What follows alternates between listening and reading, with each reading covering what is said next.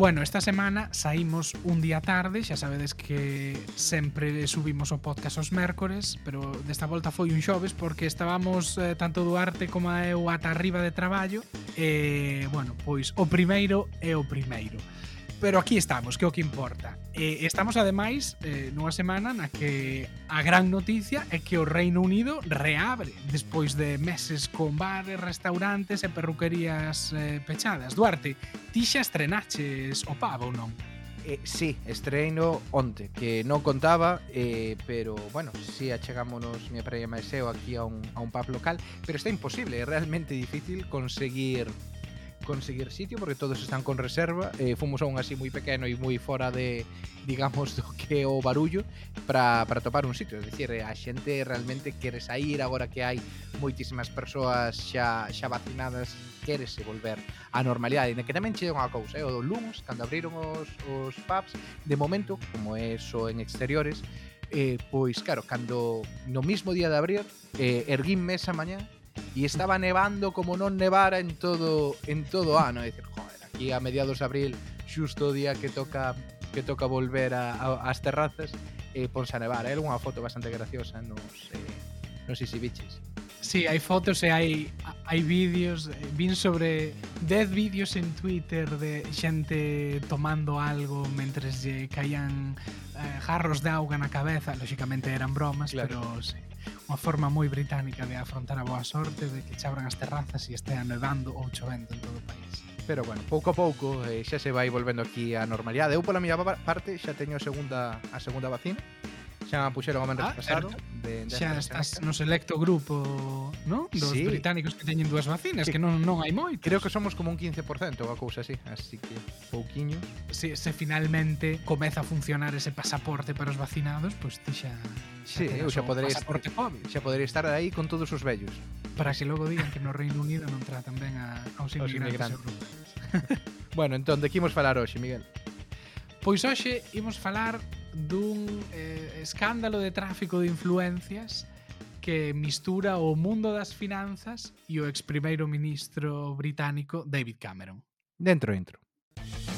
about Brexit. What, what's that? Like? Put your flags away, you're leaving, and take them with you if you are leaving now.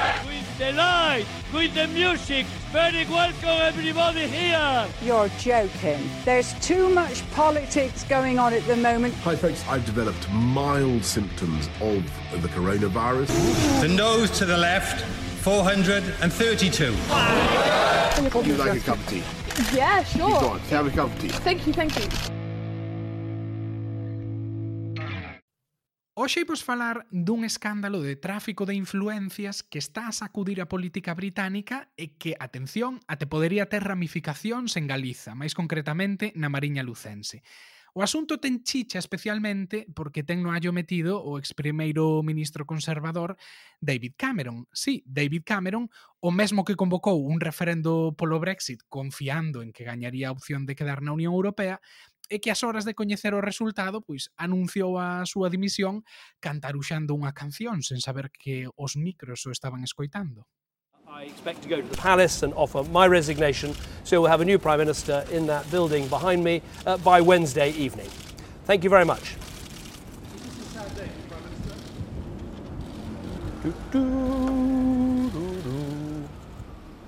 Right. Pero bueno, Duarte, resúmenos. En que consiste este escándalo e por que está a protagonizar as portadas da prensa británica nas últimas semanas? Pois a ver, este é un caso moi complexo que ten moitos protagonistas e intentaremos ilo debullando pois ao longo deste podcast, pero así para resumir e o que realmente está chamando a atención é que, como distí, o ex primeiro ministro David Cameron nos eh, últimos meses e nos últimos anos estivo eh, presionando a distintos ministros conservadores do, do, do actual goberno en nome dunha empresa financiera chamada Greensill Capital, que o tiña contratado, ou teno contratado desde hai un par de anos, como eh, lobista. É interesante porque nos últimos meses intentou presionar a distintos membros do goberno, como Rishi Sunak, para que o goberno lle dese em, préstamos ou axudas deste paquete de medidas, o que xa falamos en varias ocasións, pois para minimizar os efectos económicos eh, da COVID. Entón, David Cameron estaba moi interesado en que esta empresa que o tiña contratado recibise estas axudas, porque, de feito, eh, unha vez que se lle denegan, é dicir, non eh, non tivo un gran eh, un gran éxito como lobista, esta empresa eh, remata por eh, por quebrar. Pero bueno, esta é, digamos, a, a gran historia, non? Ver a David Cameron, un ex primeiro ministro, pois chamando, mandando mensaxes a ministros conservadores, pois para presionar en nome dunha empresa de finanzas. Pero a ver, vamos a intentar eh, entender un pouquiño máis quen é isto de, de Greensill Capital. Explícanos, Miguel, a que se dedica exactamente esta empresa? Claro, porque falamos dunha empresa de finanzas, pero non é un, un banco ou uso. Um, Greensill Capital é unha destas empresas do sector fintech, que así a rama cool das finanzas, que está especializada niso que chaman supply chain finance, que son este tipo de tecnicismos para explicar cousas que se levan facendo toda a vida e que parezan complexas.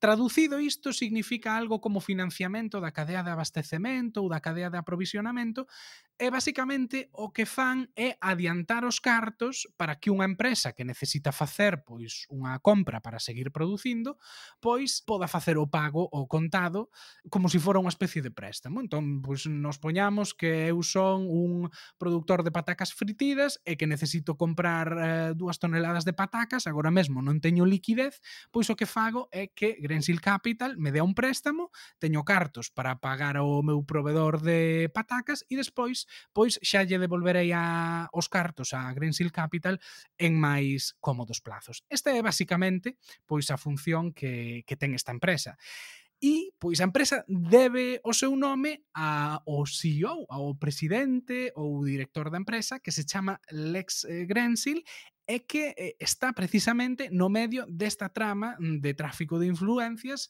mm, que colleu no medio a David Cameron. Duarte, quen, quen é este señor? Quen é Lex Grensil? Pois aquí é onde se complican as cousas, pero é moi importante entender quen este señor Lex Grinsil e cal foi o seu rol no goberno británico pois nos últimos eh, anos. Vamos a eh, viaxar ao pasado na primeira época dos gobernos de David Cameron, hai unha persoa moi importante, un alto funcionario, que se chamaba eh, Jeremy Haywood, que estaba eh, traballando en ideas pois para reformar o sistema de pagamentos da administración. Como todos sabemos, as administracións tenden a tardar un pouco en pagar os seus provedores e eh, esta persoa pois quería axilizar este procedimento. Ese non é un problema exclusivo do Reino Unido, tamén non. pasa moito en España e en Galiza. Sí, totalmente, totalmente. Entonces, eh, pois para intentar axilizar esta, este procedimento, este alto funcionario decide pois pedir asesoramento ao sector das finanzas. E aquí eh, é cando trae para a Downing Street, para o goberno, a esta persoa que se chama que se chamaba Lex Greensill, que a, a aquela altura pois traballaba noutro noutro banco en en Citigroup. E traino pois como asesor.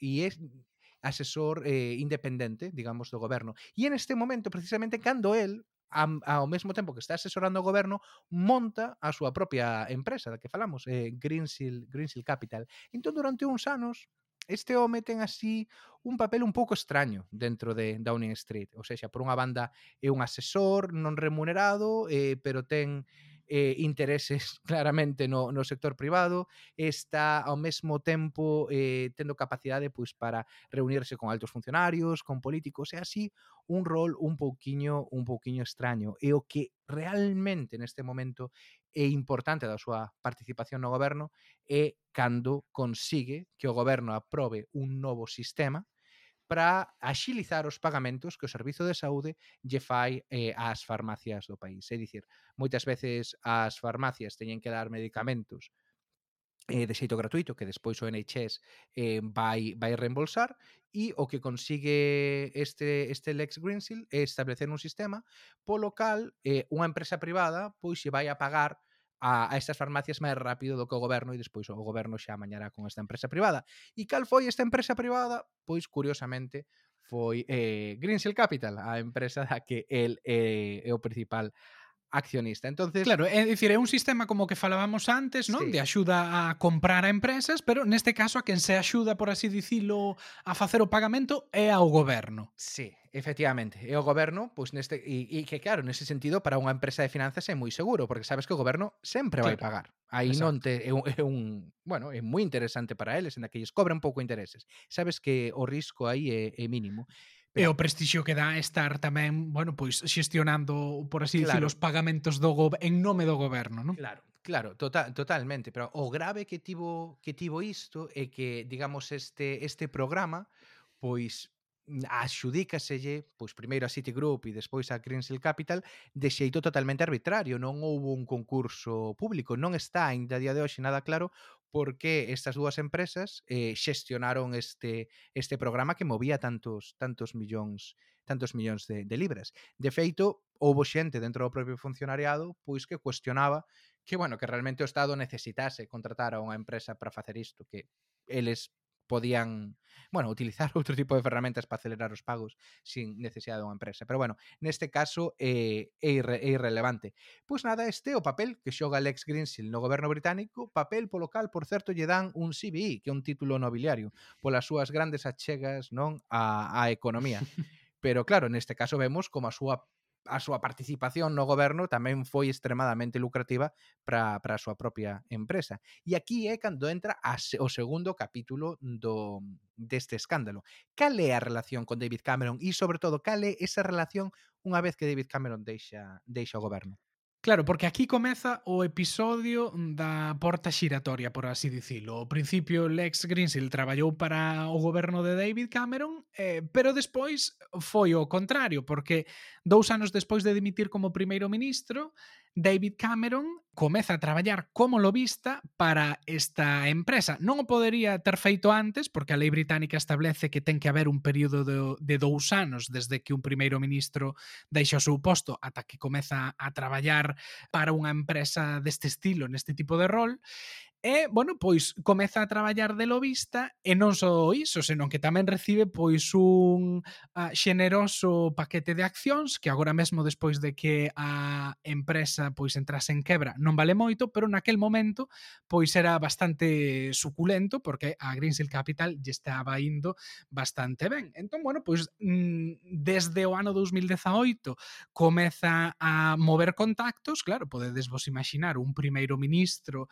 eh, británico británico uh, que fora líder do Partido Conservador durante unha década, pois a cantidade de contactos que ten que ter aí, non só a, a nivel británico, senón a nivel mundial, eso é algo moi atractivo para, para unha empresa como esta, e hai cuestión de semanas todo isto estoupa por unhas mensaxes que David Cameron, de xeito informal e aproveitándose pois da súa xenda persoal, manda o ministro de Facenda británico, Rishi Sunak, e outros eh, pois altos eh, cargos do seu ministerio. Nestas mensaxes, o que David Cameron solicita é que o goberno faga un cambio nos requisitos que se exixen para acceder a un programa de axudas que abriu o goberno británico para axudar a empresas a capear o temporal eh, da COVID. Isto é algo do que xa falamos parcialmente nun anterior podcast, no que falábamos pois do o orzamento do goberno conservador e do expansivas que estaban sendo as súas políticas de gasto, porque pois unha das medidas estrelas de Rishi Sunak durante esta crise foi crear unha serie de programas de préstamos avalados por, polo Estado para pois axudar a ter liquidez a, as empresas. Entón, bueno, pois David Cameron o que estaba uh, polo que estaba pelexando era porque Greensill Capital, que agora quedaba fora destes programas, puidera acceder a estes préstamos e por tanto, obter liquidez. Víase que lle facía falta porque finalmente o goberno non cambiou os requisitos, Greensill Capital quedou fora deste programa e semanas despois pois acabaría entrando en quebra. Pero non só foi a Rishi Sunak, eh, uh, Rishi Sunak o único ministro cal presionou. E, ma, e máis, publicouse esta semana que aló polo ano 2019, David Cameron xa mm, digamos que organizara pois unha, unha quedada privada co, co ministro de Sanidade, con Matt eh, Hancock e co seu xefe, con Lex eh, Greensill, pois para intentar eh, que Matt Hancock, o ministro de Sanidade, se comprometese pois a crear un sistema mm, de pagamento parecido ao que xa montaran para as farmacias, pero neste caso pois para os traballadores do NHS, de xeito que podese pagar pois de xeito diario ou semanal incluso.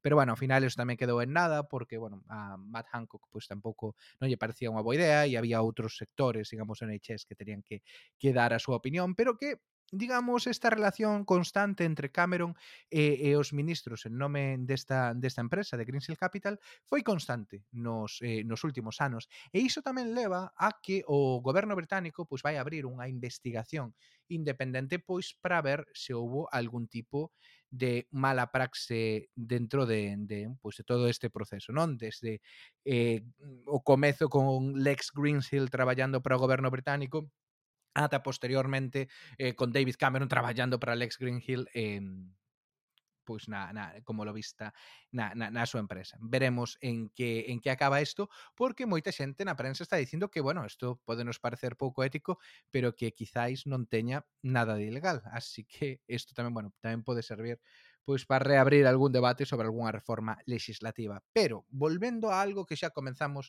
ao principio, Miguel, ti mencionaches que isto podía ter algún tipo de relación con Galiza. Iso existe onde está esa relación ou simplemente estabas facendo, bueno, a versión podcast do click, de clickbait?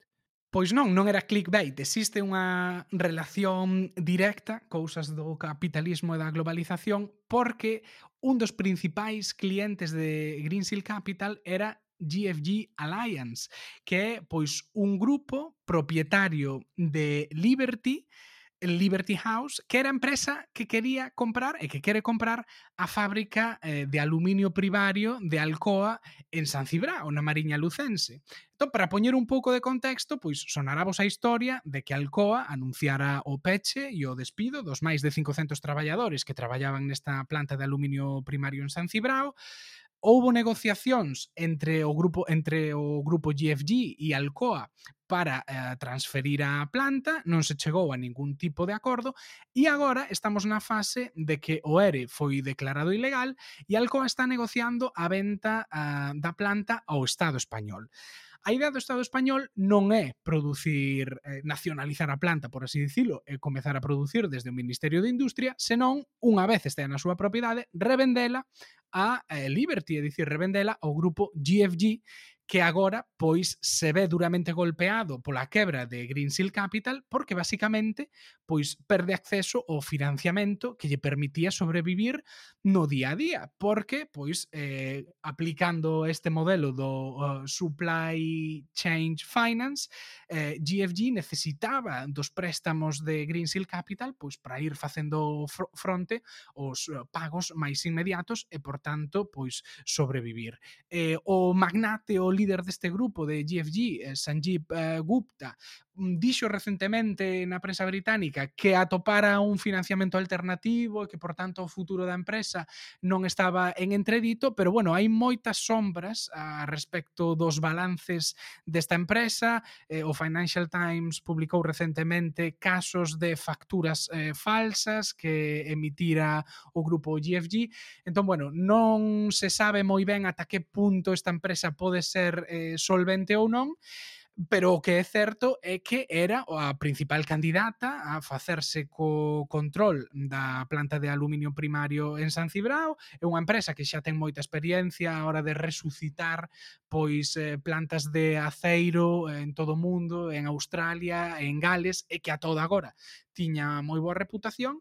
E o certo é que pois eh, a situación é que o futuro deses máis de 500 postos de traballo na Mariña Lucense, pois pendía un pouco da aparición dun, dun grupo inversor, eh, uh, GFG Alliance era o mellor posicionado e pois eh, despois deste escándalo que ten vínculos con David Cameron como podedes ver, pois queda un pouco en cuestión ese futuro. Pero é importante lembrar unha cousa, nos que somos un podcast pequeno, somos un podcast independente, nós non tivemos ningún financiamento de eh, Green Seal Capital, nin de ningunha outra gran empresa. Todo o noso financiamento e todos os nosos pagamentos eh, fanse ao contado e fanse grazas a as achegas que todos os nosos eh, Patreons e as nosas Patreons pois nos fan todos os meses. Se ti queres ser unha destas persoas que axudan a manter este podcast, pois non tes máis que ir a patreon.com barra tecongotas, patreon.com barra tecongotas, e aí pois elixides pois canto nos queredes dar cada mes pois para axudar a manter este este podcast eh, independente. Bueno, pois eh, con este chamado ao financiamento sen uh, lobistas de por medio, pois despedimos o... Pero veches que, o... que casual, no? Deixei caer así sí. a, a cuña publicitaria.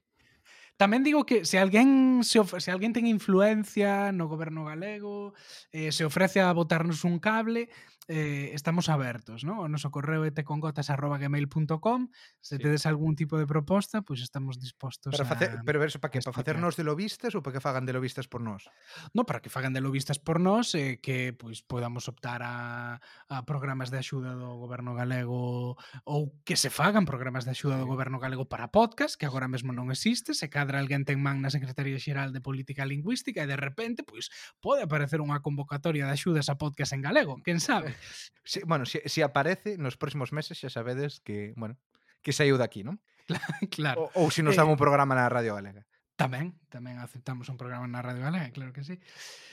Entón, bueno, pois ata aquí o, o podcast de hoxe, como dicíamos, eh, xa sabedes que nos podedes seguir en redes sociais como sempre, en Twitter, Instagram e Facebook, e que tamén vos podedes dar de alta no noso newsletter para recibir pois as novidades da semana Quen xa esteades suscritos veríades que nas últimas semanas cambiamos algo o formato, que nos estamos centrando mm, máis así en temas máis monográficos. Eh, mandadenos o vosso feedback, se ledes o newsletter e vos gusta, pois tamén mandade unha mensaxe, se botades algo en falta, pois agradecemos as vosas contribucións. Eh, máis nada por hoxe, escoitámonos a próxima semana.